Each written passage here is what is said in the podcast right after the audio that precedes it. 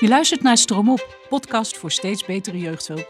Hierin gaan we op zoek naar hoe we kinderen met complexe problemen de juiste steun en begeleiding kunnen geven, waardoor ze stevig in het leven kunnen staan. Ook willen we leren wat er voor nodig is om complexe problemen zoveel mogelijk voor te blijven. In acht afleveringen zullen bevlogen jeugdhulpverleners vertellen hoe volgens hen de jeugdhulp beter kan. Vandaag beter dan gisteren en morgen beter dan vandaag. Mijn naam is Milou van Hintem en in deze aflevering spreek ik met Femi Wanders, klinisch psycholoog en behandelaar bij Akare. Ze werkt met de behandelmethode KINGS, Kind in Gezond Systeem. En ik spreek ook met Jessica Vervoort, orthopedagoog-generalist bij Coraal. Zij doet onderzoek naar de invloed van ingrijpende jeugdervaringen op kinderen en hun ouders. We gaan het hebben over de vraag of, hoe en wanneer je ouders kunt betrekken bij de behandeling van hun kinderen. Kinderen en jongeren worden nu meestal individueel geobserveerd en behandeld. Maar ze maken deel uit van een gezin waarin de ouders een belangrijke rol spelen. En als het met die ouders slecht gaat, hebben de kinderen daar ook last van. Fabi Wanders, Jessica Vervoort, welkom aan deze podcasttafel. Jullie doen allebei onderzoek naar kinderen en ouders en behandelen allebei kinderen en ouders en vinden het allebei heel belangrijk om die twee eh, samen te eh, brengen. Jessica, jij doet onderzoek naar ingrijpende, de invloed van ingrijpende jeugdervaringen op de ontwikkeling van uh, kinderen. Maar wat moeten we nou eigenlijk verstaan onder ingrijpende jeugdervaringen? Waar moeten we dan aan denken? Ja, dat is meteen een hele goede vraag. Want uh, internationaal gezien weten we nog niet precies wat de range is van ingrijpende jeugdervaringen. Wat we al wel weten, dat zaken als, um, uh, zaken als mishandeling en misbruik of een verstoord gezin functioneren. dan kan je denken aan een ouder met psychische problemen. Of een gezin dat leeft in armoede. Of een vader in de gevangenis. Dat soort zaken die uh, zijn van invloed op de ontwikkeling van het kind en de omstandigheden waarin het kind kan opgroeien. Jij noemt, jij noemt nu echt wel een paar grote dingen. Want ik las ook in een artikel dat jij hebt geschreven dat uh, bijna de helft van de kinderen wel één zo'n ingrijpende uh, levenservaring heeft meegemaakt. En dan denk ik, nou dan, dan horen sommige dingen er misschien ook een beetje bij. Dus waar ligt de grens? Ligt die in het optellen of in de ja, intensiteit ja. van iets, de ingrijpendheid van iets? Dat klopt. Um, hè, het merendeel van de kinderen maakt ingrijpende jeugdervaringen mee. En wat je aangeeft wanneer er sprake is van een stapeling van uh, stressoren, dan neemt de kans op ellende ook toe. Maar daarnaast spelen ook uh, sociale buffers een grote rol. Veerkracht speelt een rol. Dus het is niet zo dat een ingrijpende jeugdervaring per definitie leidt tot allerlei problemen in de ontwikkeling of tot trauma-gerelateerde problematiek. En dat hangt dan voor een belangrijk deel, als ik je goed begrijp, ook af van de context waarin die kinderen opgroeien en dus ook van de ouders. Nou, er zijn eigenlijk verschillende typen stress. Hè. Een positieve stress hebben we allemaal nodig voor de ontwikkeling van veerkracht en coping. En we hebben verdraagbare stress. En dat is wanneer bijvoorbeeld je oma overlijdt of je een auto-ongeluk meemaakt. Dan zijn die sociale buffers hartstikke belangrijk en kun je met elkaar weer in balans komen en in een toestand waardoor je door kan. Maar wanneer stress heel langdurig is, ernstig, hè, chronische stress, dan is dat uh, van invloed op breinontwikkeling en op gezondheid en op de kansen in jouw leven. En dan is het natuurlijk zo dat sociale buffers hartstikke belangrijk zijn en hoe de omgeving daarop reageert en jou steunt. Maar dan kan er soms ook nog wel wat meer nodig zijn. Oké. Jij zei net al een beetje, maar misschien kan je dat nog iets preciezer zeggen. Wat is nou het effect daarvan bij kinderen? Wat, hoeveel nadeel hebben ze ervan? En is dat nadeel nog ooit in te lopen? Ja, kijk, de wetenschap is ook nog niet klaar hoe het allemaal exact werkt. Dat weten we niet precies. We weten wel dat die chronische stress uh, echt van invloed is op de vorming van het brein. Want zodra je geboren wordt, is er al heel wat werk verricht aan jouw brein, maar het is absoluut nog niet klaar. Juist door de interactie met jouw omgeving komen er nieuwe verbindingen, nieuwe mogelijkheden. En bij deze kinderen waar chronische stress een grote rol speelt, uh, weten we gewoon dat juist die netwerken die er zijn uh, om te overleven, de stressnetwerken, dat die eigenlijk veel meer ruimte en aandacht krijgen. En dat dat meedoet in je hele leven en hoe jij reageert op situaties waarin aanpassing nodig is en uh, je je staande moet houden. Ja, dus het, je zegt eigenlijk je hele leven, dus dat betekent dat, dat je als volwassene daar ook nog last van kunt hebben. En dat wellicht de ouders van deze kinderen ook zo'n soort ontwikkeling hebben doorgemaakt. Ja, we zien in elk geval in de wetenschap dat wanneer jij meerdere dingen hebt meegemaakt, dat dat van invloed kan zijn op hoe het psychisch met jou gaat, hè, jouw geestelijk welzijn, maar ook zelfs fysiek, hè, lichamelijk kan het allerlei gevolgen hebben. En dus ook voor de ouders, wanneer zij uh, in hun jeugd allerlei ellende hebben meegemaakt, dan nemen zij dat ook weer mee in de opvoeding van hun kinderen. En we kennen zelfs studies dat bij uh, kinderen op de leeftijd van twee jaar al zichtbaar is uh, wat de invloed van die ouderlijke ervaringen is op hun ontwikkeling, op alle ontwikkelingsdomeinen. Femi, jij werkt met, bij Akare met het behandelprogramma Kings, Kind in Gezond Systeem. En jullie behandelen ouders en kinderen samen. Jessica gaf al een klein voorzetje voor. Kan jij vertellen, als je kijkt naar de mensen die, uh, die jullie behandelen, wat voor, wat voor gezinnen, wat voor ouders en kinderen gaat het dan? Nou ja, eigenlijk zei jij het al heel mooi. Zo van eigenlijk eh, hebben ze een rot leven gehad. Dus er is weinig steun in hun omgeving geweest. Uh, ja, ze hebben gewoon heel veel pech op heel veel fronten en heel veel pech gehad. En wij zijn daar in 2008 zijn we daarmee begonnen. En toen hadden we de kinderen nog gewoon allemaal opgenomen bij ons op het terrein. De meeste mensen hebben vast de documentaire van Alicia gezien. En zo ging het er bij ons ook aan toe. Het waren gewoon hele kwetsbare kinderen met ernstige gedragsproblemen. En we dachten, we nemen ze op en we gaan ze behandelen. En wij merkten dat dat gewoon niet werkte. Dus we hadden die ouders, hebben we erbij nodig. En uh, ja, het is intergenerationele problematiek. Dus de ouders hebben eigenlijk, ja, wat ze mee hebben gemaakt is vaak verwaarlozing, mishandeling, Um, er zijn financiële problemen. Vaak hebben ouders geen werk. Daardoor uh, zijn dit gezinnen die eigenlijk een geïsoleerde positie in de maatschappij hebben. Dus er is weinig steun, wat Jessica ook net, net zegt. Waardoor de, de kinderen uh, ja, te weinig ontwikkelkansen hebben. En, en ze leren overlevingsgedrag aan. En dat is eigenlijk dat is gedrag wat op dat moment voor hun functioneel is, maar niet heel handig in de maatschappij. En ze hadden ontzettend zin om naar jullie te komen. Nou, nee, het, nou, natuurlijk. Ze moeten een hele drempel over. Dat is voor ouders natuurlijk echt een hele stap om, om, uh, om die drempel over te gaan om met het hele gezin opgenomen te worden. Nou, ik vroeg het ook zo, omdat ik denk dat deze ouders en kinderen in veel gevallen al een enorme hulpverleningsgeschiedenis achter de rug hebben, die ze blijkbaar niet veel heeft opgeleverd. Dus dat ze dan niet per se zeggen, oh ja, maar nee, maar nu zijn we ineens hartstikke gemotiveerd. Nee, dit is een heel belangrijk punt wat jij zegt. Want eh, inderdaad, ze hebben al heel veel hulpverlening gehad. En ze hebben weinig vertrouwen sowieso in andere mensen door alles wat ze in hun leven hebben meegemaakt. En ook dus geen vertrouwen in hulpverlening. Ze hebben vaak ook heel weinig vertrouwen in zichzelf. En, ze, en de wereld is voor hun onveilig. Dus wat dat betreft staan ze heel kwetsbaar in de, ja, in de wereld. En dan komen ze bij ons en dan um, ja, is het voor ouders is het vaak... Uh, ja, een laatste stap van het is dit of je kinderen worden uit huis geplaatst. En uh, ja, uh, en dan is het de kunst, uh, ook voor ons, om, om samen met die ouders te kijken van, uh, hey, hoe gaan wij zorgen dat jouw kind weer in ontwikkeling komt?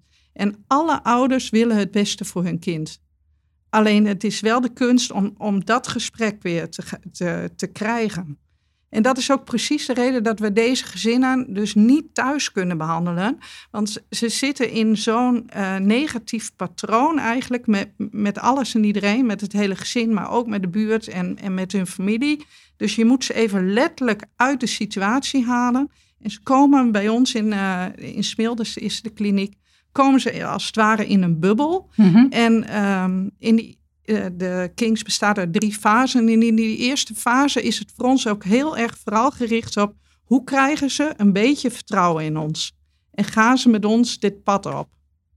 Want het is een heel intensief traject waar die ouders uh, voor moeten gaan. Uh, Jessica, jij kent Kings. Ja. Kan jij aangeven, of zijn er in de, wetensch in, in de wetenschappelijke literatuur aanwijzingen voor de werkzaamheid daarvan, of voor het, de, de werkzaamheid, het goede effect van een gezamenlijke behandeling van ouders en kinderen, als we het even eerst in zijn algemeenheid naar kijken? Nou, er zijn ook al nu eerste resultaten eh, naar Kings en die laten ook, uh, en dat is veelbelovend wat we daarin zien.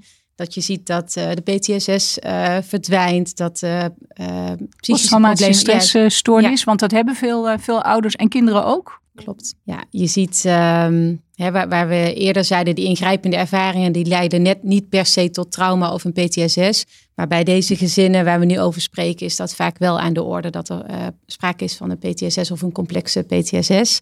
Dus dat neemt af, maar ook het psychisch functioneren uh, verbetert weer. De onderlinge interacties in het gezin verbeteren. Als je kijkt naar de wetenschap, dan denk ik, dit is nog wel vrij nieuw dat we hier onderzoek naar doen. Van hoe werkt dat nou wanneer je ouders en kinderen gelijktijdig behandelt? Ik zie in de literatuur al wel veel aanwijzingen voor de samenhang. En dat we dat steeds meer met elkaar ontdekken. Terwijl, hoe logisch is het eigenlijk? Een kind groeit op in zijn context. Dus natuurlijk, ja, hè, ja. Die, die gezondheid is onlosmakelijk met elkaar verbonden. Maar toch begint daar nu pas veel meer aandacht voor te komen in de wetenschap. En hebben we denk ik ook nog een weg te gaan. En vind ik het fantastisch dat ze dit al tien jaar aan het doen zijn. En zo'n lef hebben gehad tien jaar geleden al om te zeggen... we gaan niet meer de kinderen uh, uit het gezin halen en opnemen en behandelen. We gaan met het systeem aan de slag. Dat is een mooi compliment wat je daar krijgt, Femi. Lef. Waar, waar haalde je die lef vandaan? Omdat we die kinderen zagen en dachten van, hé, hey, die moeten we toch op een andere manier kunnen helpen. En wij, wij zagen wel van, dit is interpersoonlijk trauma. Dus dat zit tussen ouders en kinderen. Dus we hebben die ouders erbij nodig. En um, ja, de kennis die we hadden over de interpersoonlijke trauma. En ik denk ook, wij hadden toen uh, Peter Dijkshoorn als uh, directeur. En uh, ja, ik noemde toen ook, toen hij zei van, zou jij hier bij deze kindergroepen willen werken? Ik zei, ja, maar zoals we, zoals we hier nu aan het werk zijn, dit, dit is niet goed voor die kinderen. Hij zei, nee, dat is precies waarom ik je ook vraag. En zou je samen willen zoeken van wat wel? En hij heeft ehm, ja, ons daarin altijd heel erg gesteund, zeg maar. Want we moesten uh, in het begin wel, uh, was het wel een verandering. Dan belde bijvoorbeeld een voogd op om te zeggen van, hé, hey, ik heb twee kinderen. En uh, zou je ze op willen nemen? Want ze zijn vannacht zijn ze, voor, ze zijn uit huis geplaatst, zijn een nacht in een pleeggezin geweest. En die hadden daar de boel op de kop gezet. En dan zeiden wij van ja, die kinderen mogen wel komen, maar met hun ouders. Ja, maar dat kan echt niet. Vader was verslaafd en moeder borderline. En, uh, maar er waren die kinderen wel vier en zeven jaar in dat systeem geweest. Ik zeg, als wij die kinderen hier alleen nemen, dan zetten ze hier de boel op de kop. En we krijgen ze uiteindelijk mogelijk wel getemd. Maar dan na een half jaar, een jaar gaan ze eruit en, en komen in hetzelfde terug of ze komen in een pleegzin. Dus laat die ouders meekomen en dan gaan we samen kijken wat er nodig is. En niet alle ouders gaan het hele traject door. Soms komen wij in de eerste fase ook samen met die ouders erachter van hé, hey, op dit moment zijn de ouders te ziek om voor de kinderen te zorgen.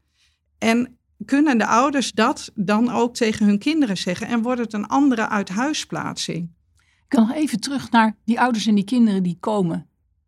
Hoe komen die binnen? Ontredderd. Vaak. Ja, die kinderen, dus ja, die, die, die kinderen zijn, deze kinderen waar ik het net over had, zeg maar, die door die voogd, die gingen gelijk naar de afdeling en die ouders, die waren eigenlijk heel blij dat we hun boden dat, dat zij hun kinderen mochten zien, want ze hadden dus uh, twee dagen hun kinderen niet gezien, omdat die plotseling bij hun weggehaald waren. Mm -hmm. maar, maar wel ontredderd en bang natuurlijk, want uh, uh, ja, wat gaat er gebeuren? En dan die eerste periode blijft er ook 24 uur lang Zeven, zeven, keer 24, 24 uur lang. 24 uur is, uh, is er eigenlijk een hulpverlener in het huisje. Dus de gezinnen krijgen allemaal een geschakelde woning. Dus ze hebben allemaal hun eigen woning. En er is zeven keer 24 uur uh, een hulpverlener bij. En de ouders weten ook van, uh, elke dag wordt besproken van, nou neem ik het van je over in situaties of, of of ga jij het doen en ga ik je coachen? Maar de ouders weten ook, zo snel ze dingen doen die niet in het belang van het kind zijn, wordt er ingegrepen. En, uh, en dat wordt dan achteraf allemaal weer nagepraat enzovoort. Maar in het begin, zeker in die eerste fase, is er dus veel uh, wat, wat je eigenlijk samen met de ouders op de afdeling doet. Maar dat moet je dan ook, uh, kan ik me voorstellen, je moet ook snappen hè, of begrijpen dat iets niet in het belang is van je kind. Dat is misschien niet altijd evident. Nee, dat is heel belangrijk wat je zegt. Want deze ouders hebben zelf ook eigenlijk heel veel gemist in hun opvoeding. Dus ze weten niet goed wat een kind nodig heeft. Dus in, in die eerste fase gebruiken we ook veel de video en maken veel korte opnames. En leren we eigenlijk de ouder weer kijken naar hun kind. Wat, wat zegt mijn kind eigenlijk? En, en niet letterlijk zegt, maar wat laat hij ook met zijn lichaam zien en, en waar zie je dat er contact is. Zodat we eigenlijk door de ogen van die ouders dat kind helemaal goed leren kennen.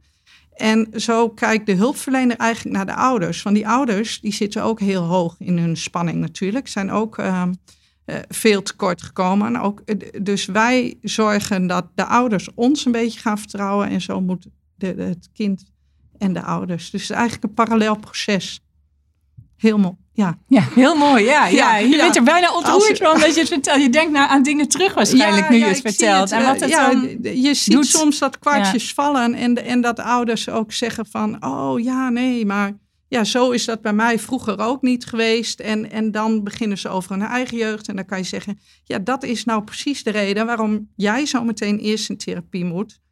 Want die tweede fase, dan begint eigenlijk de individuele therapie van de ouder en, en daarna het kind. Dat is de traumaverwerkingstherapie, of niet? Waar jullie EMDR voor gebruiken? EMDR of imaginaire exposure of uh, ja, verhalenmethode, waarin, we, uh, ja, waarin ouders eigenlijk de nare ervaringen in het verleden, die nog hun huidige gedrag aansturen, ja, die, die gaan we verwerken. Dan kom ik even terug naar jou, want je had het straks al even over die uh, posttraumatische stressstoornis. Is dat echt de kern? Als je die kunt aanpakken, dan kan je een soort doorbraak maken. Kun je dat zo zien? Of? Nou, ik denk dat je het zo kan zien in de zin van wanneer dat zo op de voorgrond staat, hè, die herbelevingen, die nachtmerries, die intense angst, dat je zo gevangen zit in wat je zelf eerder hebt meegemaakt en dat dat zo jouw huidige handelen stuurt, dan is het een hele belangrijke factor om dat met elkaar op te lossen, omdat er dan weer veel meer ontwikkelkansen komen. En ook dat vind ik zo mooi aan zo'n gezinsopname. Heel vaak wordt over deze ouders gezegd, ze zijn niet leerbaar of ze willen eigenlijk ook helemaal niet.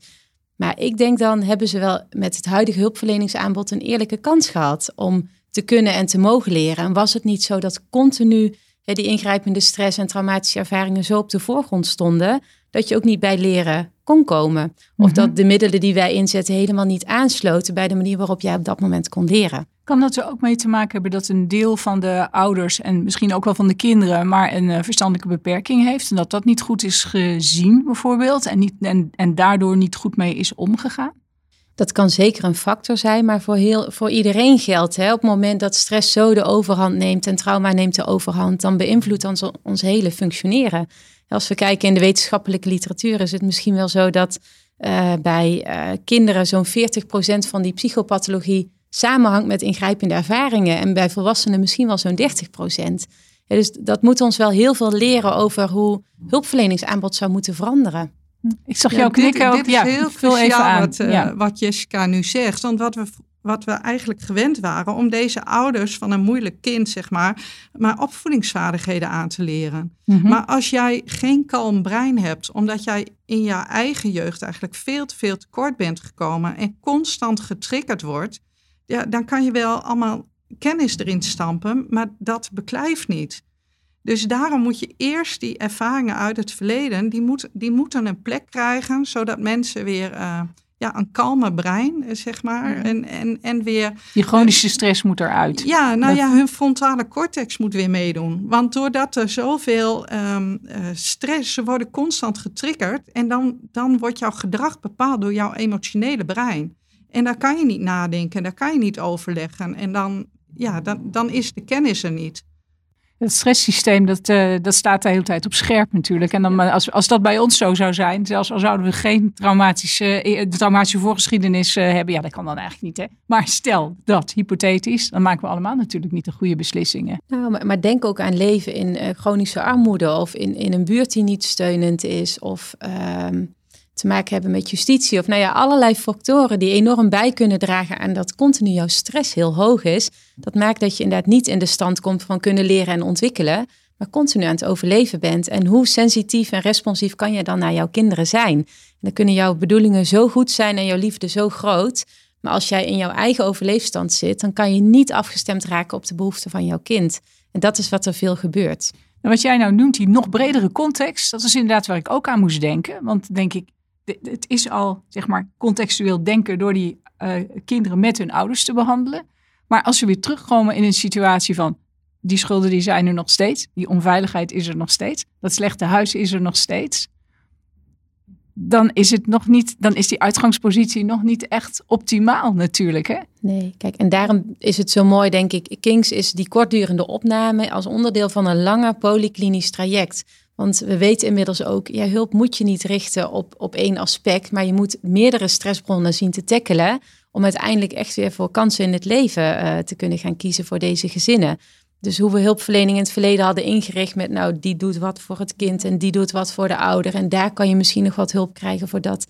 Ja, dat is voor deze gezinnen zeker niet uh, effectief. We gaan even terug voordat we het hebben over wat gebeurt er als we weer thuiskomen. Want we waren nog niet helemaal klaar met wat er bij jullie gebeurt. Fase 1 heb je verteld? Ja. En de fase 2. Fase 2, de traumaverwerking. Dan begint de behandeling, maar dat doen we ook veel intensiever dan uh, als we het ambulant doen.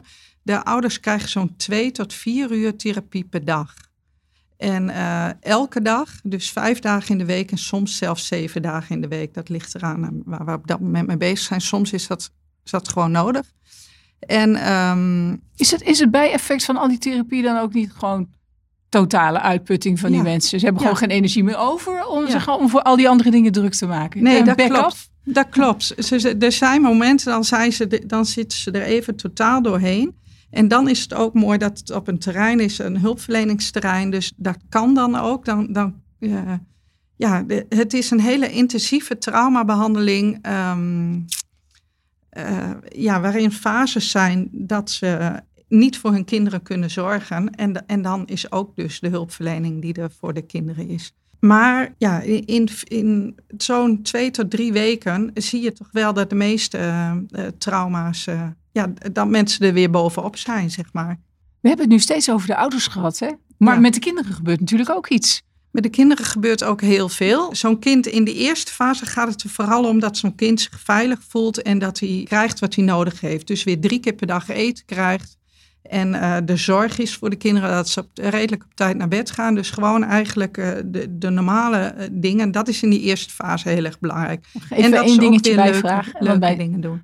Dat ze leuke dingen doen. Maar één dingetje waarvan ik denk wat ook best normaal is bij kinderen. Dat ze naar school gaan. Maar dat is even niet bij jullie. Want ze gingen misschien al niet meer altijd even goed naar school. Nee, de meeste kinderen gingen heel lastig naar school. En we hebben ook veel kinderen die eigenlijk niet meer naar school uh, uh, gaan. Um, we maken wel altijd afspraken met school. Uh, dus soms doen ze wel wat schoolwerk op de afdeling. Maar als het kind zelf in individuele therapie gaat, en dat gaan ze als de ouders redelijk op gang zijn met hun therapie. Als het nodig is, gaat het kind dan in individuele therapie, dan is er geen ruimte voor school. Mm-hmm. Dus dan is, ligt dat ook even twee, drie weken stil. Maar in de laatste fase komt school er weer bij en worden ook weer afspraken met school gemaakt. Mm-hmm. Ik had begrepen dat ouders ook steeds één stapje voorlopen op de kinderen ja. in de therapie. Zoals als zij in die derde fase zitten, waarvan ik nog graag van jou hoor wat die precies inhoudt. Maar dat ze dan ook weer beter hun kinderen kunnen begeleiden. Ja. Bij hun, beter bij hun kinderen kunnen zijn. Ik weet niet wat het ja, nou, dat ze beter af kunnen stemmen op hun kind en, en er voor hun kind kunnen zijn. Dus als een kind dan in de traumabehandeling zit, dat zij hun kind dan op dat moment kunnen steunen. Ik denk nu bijvoorbeeld aan een moeder die, die kwam met een uh, jongen van elf, die eigenlijk al uh, meer dan een jaar niet naar school ging. En um, eigenlijk zaten moeder en kind samen op de bank en de, allebei OB's. En uh, de jongen gamede heel veel. En die kwamen bij ons. En toen bleek dat eigenlijk moeder een sociale angststoornis had. Door alles wat ze in haar eigen jeugd had meegemaakt. En ze had haar kind gewoon nodig. Um, om zich thuis ook veilig te voelen. Ze sliepen ook bij elkaar in bed. Nou, dan zijn wij in die eerste fase, wordt, dat, uh, wordt het normale patroon. Dus uh, dat ze allebei een eigen slaapkamer en uh, nou ja, wordt daar vooral op gericht. En het normale gezinsleven. In die tweede fase kreeg moeder therapie. En, door, en dat was voor moeder heel intensief. Um, maar die kon na haar behandeling, kon ze, ja, kon ze zien ook wat haar zoon nodig had. En kon ze haar, haar zoon stimuleren om zelf wel de wereld in te gaan. Omdat zij, en die jongen kon ook gaan omdat hij zag, mijn moeder redt zich wel. Oh, zo keek, dat, zo keek die jongen echt naar zijn moeder. Nou, of hij er zo naar Bij, keek. Bijna maar, omgekeerd, hè? Eigenlijk moeten ouders zo naar hun kinderen kijken. Ja, niet kinderen zo naar hun ouders. Nee, ja, zo Ja. was het. Ja. En ja, ja dus dat, dat verandert dan. Want dat is de derde fase. Wat gebeurt in de fase drie? In de derde fase wordt, uh, gaat het gezin dus eigenlijk uh, wordt voorbereid hoe ze terug naar huis gaan. Dan wordt in ieder geval het wijkteam er ook bij betrokken. Omdat, uh, nou, wat Jessica al heel mooi zegt, van het, het zijn gewoon kwetsbare gezinnen. Dus die, um, die bubbel waar ze in smilden in zijn, dat, kan, dat is thuis natuurlijk anders. Laatst had ik een meisje, um, die zei tegen mij van, goh, iedereen op het terrein zegt hier wat tegen mij. Zegt hallo. Terwijl in mijn dorp ze kijken allemaal de andere kant op. Dus en dit, dat is wel belangrijk, dat zo'n wijkteam ook samen met zo'n gezindag gaat kijken van, uh, nou zijn er nog financiële problemen, uh, in het huis moet soms het een en ander gebeuren. Ouders zijn soms in, staat om wel aan het werk te gaan na de behandeling of vrijwilligerswerk te gaan doen, zodat, er, zodat ze wat inbedding in hun, in hun leefomgeving krijgen. Je noemt nou een aantal dingen die verbeteringen zijn ten opzichte van de oude toestand. weet jij, Jessica, weet jij uit de literatuur, als het gaat niet alleen om kinks, maar om gezamenlijk behandelen van ouders en kinderen überhaupt, wat, dat, wat er wordt opgebouwd, wat er wordt toegevoegd aan die, aan die levens van die gezinnen? Nou, ik ken daar nog heel weinig studies naar, want ik denk echt dat hier nog veel werk in moet gebeuren. Ik denk dat we überhaupt nog heel weinig op deze manier aan de slag zijn. Ik denk dat dit nog heel uniek en bijzonder is wat jullie aan het doen zijn, dat, dat we dat zo snel mogelijk moeten gaan uh, verbreden. Wat ik wel zie vanuit onderzoek is als we kijken in uh, dossiers van kinderen die opgenomen zijn, uh, dat zij vaak wel uit, ehm, nou, misschien wel rondom de 80% komen uit gezinnen met meervoudige en complexe problemen. Dus ooit hebben we met elkaar de neiging gehad om dan te zeggen, we halen er één kind uit en die gaan we een jaar, anderhalf jaar behandelen. En dan kan die weer door. Maar wat is er dan duurzaam veranderd? En ik denk dat we op dat inzicht steeds meer echt samen komen en gaan naar vormen als kinks. En uh, ja, het is nu nog vooral de beredenering dat je dan tot duurzamere resultaten kan komen wanneer je het kind in zijn context behandelt. En je niet alleen focust op het kind. En een tweede punt wat ik heel belangrijk vind is, we weten gewoon jeugdhulp kan nu echt nog gewoon onbedoelde schade toevoegen. deze, dit zijn allemaal kwetsbare ouders en kinderen, die hebben van alles meegemaakt in hun leven. En dan ondanks al onze goede bedoelingen en mega grote inzet, doen wij met elkaar soms ook nog dingen die daar nog eens een schepje bovenop doen. Heb je een voorbeeld? Nou, ik denk aan uh, vele overplaatsingen, veel wisselende begeleiders, uh, van kastje naar de muur. Uh, veel energie in wat stoppen. Zeggen, goh, het was toch niet het juiste. Uh, vastpakken, afzonderen, autonomie uh, fors inperken, omdat wij denken dat we het beter voor jou weten.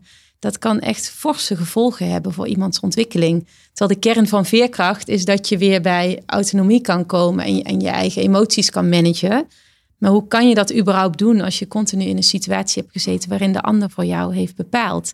Dus uh, ik denk dat we nog flink wat dingen aan kunnen pakken in uh, de huidige manier waarop we jeugdhulp hebben vormgegeven. Ja, ga ik Femi, ga ik toch naar jou kijken. Want hoe doen, je, hoe doen jullie hulpverleners nou, dan? Ik vind het wel mooi Zijn dat... witte raven of wat? Nee, uh... nee nou, wat Jessica zegt is inderdaad heel erg waar. De gezinnen, de ouders die nu bij ons komen, die hebben heel vaak een jeugdhulpverlening. En die zeggen precies inderdaad wat Jessica nu zegt. Zo van, dat, dat moet gewoon anders. En dan zijn ze ook heel blij hoe ze ja, hoe ze bij ons de kans krijgen om het samen met hun kind te doen. Want het is gewoon een illusie om een kind er in een eentje uit te halen en dan maar hopen dat het goed gaat. Maar jullie, zeg maar jullie, of jou mag ik misschien zelf zeggen, jouw hulpverleners, die doen het anders. Maar die doen het anders dan gebruikelijk is of wat mainstream is. Dus hoe, hoe is dat zo gekomen? Er is toch een soort cultuurverandering dan geweest? Ja, ja. Nou ja, ja nou wat, wat er anders gaat, denk ik, is dat wij oprecht samen naast die ouders staan. En de hulpverleners hebben kennis over hoe gedrag ontstaat, bijvoorbeeld. Hoe uh, nare ervaringen uit het verleden je huidige gedrag uh, bepalen. En die kennis die, die wij hebben, die moeten de ouders moeten gaan snappen dat het logisch is wat ze doen, wat ze doen. Ze veroordelen zichzelf eigenlijk ook de hele tijd, maar doordat wij uit kunnen leggen, het is logisch. Door alles wat jij hebt meegemaakt, gebeurt er nu dit en dit. En daarom moet je dat verwerken. Dus eh, dat is denk ik um, wat wij goed doen. En verder uh, werken we heel transparant en heel, heel open met, met uh, zowel met kinderen als met de ouders. Um, ouders zien bijvoorbeeld elke dag, uh, s'avonds hebben ze een half uurtje, dan wordt het hele dossier uh, wordt weer bekeken van hey, wat is er deze dag uh, bij, in het dossier bijgekomen en, en hoe kijk je daar tegenaan? Dus uh, ja. Toch stel ik mijn vraag nog een keer opnieuw. Want wat jij nu eigenlijk vertelt, is heel mooi wat je vertelt, maar dat is, je vertelt wat er allemaal anders gebeurt dan normaal. En mijn vraag is dan toch, hoe kan het dat het bij jullie anders gebeurt dan normaal? Dat het toch een, een andere houding is uh, een andere manier van werken. Die is niet uit de lucht komen vallen. Nee, ik denk dat dat kennis is. Wat, wat Jessica zegt. Gewoon opleiding van personeel en. en um, maar is het alleen kennis? Of is het bijvoorbeeld ook iets als. Wat iemand anders in de, deze podcast me vertelde. Dat je ook persoonlijke kracht nodig hebt als hulpverlener. Tuurlijk, tuurlijk je, hebt, je hebt ook lef nodig en persoonlijke kracht. En ook een organisatie die, die, die jou daarin steunt. Want ehm, ja, maar dan is het ook heel erg mooi werken.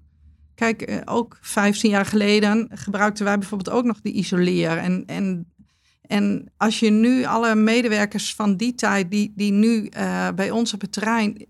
Uh, ja, dit geeft gewoon veel meer energie. Dat is eigenlijk wat geen enkele hulpverlener wil. Het is pure onmacht dat dat gebeurt. Ook mensen die dat nu nog doen. En het kan anders. Maar hulpverleners die dat nu horen en die denken, ja, dit klinkt toch veel beter. Zo kan ik meer impact hebben. Zo ben ik blijer met wat ik voor elkaar krijg. Waar, waar moeten die beginnen? Wat zijn de, ook een vraag voor jou natuurlijk, Jessica. Wat, wat zijn nou in ieder geval de, de noodzakelijke voorwaarden om hier een begin mee te maken? Nou, ik denk een organisatie, bij een organisatie gaan uh, zoeken die, die zo wil werken. Want eh, ja, twee hele gewone basisregels.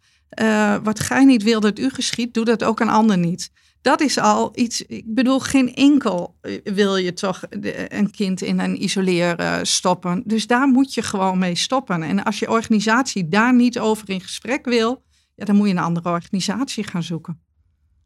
Heb jij nog een tip, Jessica? Ja, nou waar ik heel veel steun en nou vast uithaal op het moment is de principes van trauma-informed care. En ik zeg het bewust even zo, want dat is de term die nou in de literatuur wordt gebruikt. Maar dat zijn eigenlijk inzichten die gelden voor degene die hulp aan ons vragen, maar ook hulp verlenen. Want wil je dit kunnen voor de mensen die hulp aan ons vragen, dan zul je als organisatie en wij voor elkaar uh, ook wat moeten doen, zodat je dit als hulpverlener kan. En daarvoor heb je reflectie nodig, intervisie, supervisie, kennis, kunde, de juiste inzichten. Ik denk dat we dit al heel veel denken en willen, maar gewoon nog onvoldoende in de praktijk brengen. Dat we ook kijken naar de krachten die mensen in zichzelf hebben, die in de omgeving, omgeving aanwezig zijn, maar die misschien nog niet gemobiliseerd zijn. Die echte stem en keuze voor de ander, dat echt samen en naast elkaar. Um, ja, ik denk dat dat cruciale factoren zijn. Als je dat echt doorvertelt naar je hulp van alle dag, hè, dan kom je uit op uh, het samen veilig maken, in verbinding zijn, de ander helpen reguleren. Dat, dat hangt voor mij allemaal daarin samen. Daar vind je al heel veel antwoorden in en hoe je de hulp morgen anders kan doen vanuit de plek waar jij aan het werk bent. Maar er zijn ook nog wat hobbels te nemen, denk ik. Ik denk bijvoorbeeld aan, daar wil ik het niet heel uitgebreid over hebben, maar financiering bijvoorbeeld, kan ik me voorstellen dat dat, dat lastig is. Soms kan je dingen met elkaar ook veel slimmer en anders doen. En zijn er gewoon zoveel patronen ingeslopen van zo doen wij de dingen nu eenmaal. En die kan je ook weer ter discussie stellen. En uh, ik denk om even dat stuk regulatie eruit te halen, dat kalme brein. Ik denk dat, dat wat we daar straks zeiden, we zijn nog zo bezig met die ouders van nou leer maar eens opvoedvaardigheden, doe dat maar eens zo. Maar als jij jezelf niet kan reguleren hè, in gedrag en in emoties, hoe kan je dan überhaupt ooit toekomen aan het toepassen van opvoedvaardigheden die een ander je aanleert? Terwijl ga maar na, de hele hulpverlening is daar nog op gestoeld. Als ik jullie goed begrijp, dan is dit eigenlijk de toekomst. Want is het überhaupt eigenlijk een beetje onzinnig en raar om kinderen en ouders uit elkaar te trekken. En zou in sommige gevallen, als het heel echt nodig is, moet je ouders uit hun situatie halen als die niet meehelpt om te verbeteren. En als er toch nog wel voldoende steun is vanuit een sociaal netwerk, dan zou je het misschien ter plekke kunnen doen. Maar hoe dan ook zou er veel meer ouders en kinderen samen behandeld moeten worden? Als je ook kijkt naar wat deze kinderen zelf aangeven, ook weer die dossieranalyse. Ze willen allemaal weer in verbinding met papa en mama, het liefst terug naar huis. waarom werk ik hier aan mijn doelen? Om weer naar papa en mama te kunnen, om naar huis te kunnen. En ik denk ook die gezinnen, want niet in alle gezinnen is alles oplosbaar en kan je het zo creëren dat het voor de kinderen een goede, sensitieve en warme omgeving is en op te groeien, een steunende omgeving. Maar dan hebben we ook nog de constructies van de meeleven en de steungezinnen. En er zijn zoveel nieuwe mooie ontwikkelingen waar we nog zoveel meer gebruik van kunnen maken. Ja, ook, ook de gym-aanpak, die, die jouw ingebrachte mentor. Dat, ik denk dat er al heel veel kansen zijn en inzichten, maar dat we die nog te weinig uh, structureel doorvertalen naar hoe we elke dag hulp aan het verlenen zijn. Want Femi, als die gezinnen, die zijn na zes tot acht weken bij jullie weer weg. Uh, dan wordt het overgenomen door een case manager in een wijkteam. En dan gaat bij jullie het dossier dicht, toch? Maar hoe dicht gaat het? Uh, nou, soms hebben ouders nog wel een TOR, een telefoon op recept. Dus dan kunnen ze gewoon bellen als ze nog uh, vragen hebben. Um, en verder wordt het wel overgedragen inderdaad naar in de wijk. Want kijk, het, het is kind in een gezond systeem. En dat wil niet alleen zeggen de, de ouders, maar dat is inderdaad ook alles eromheen.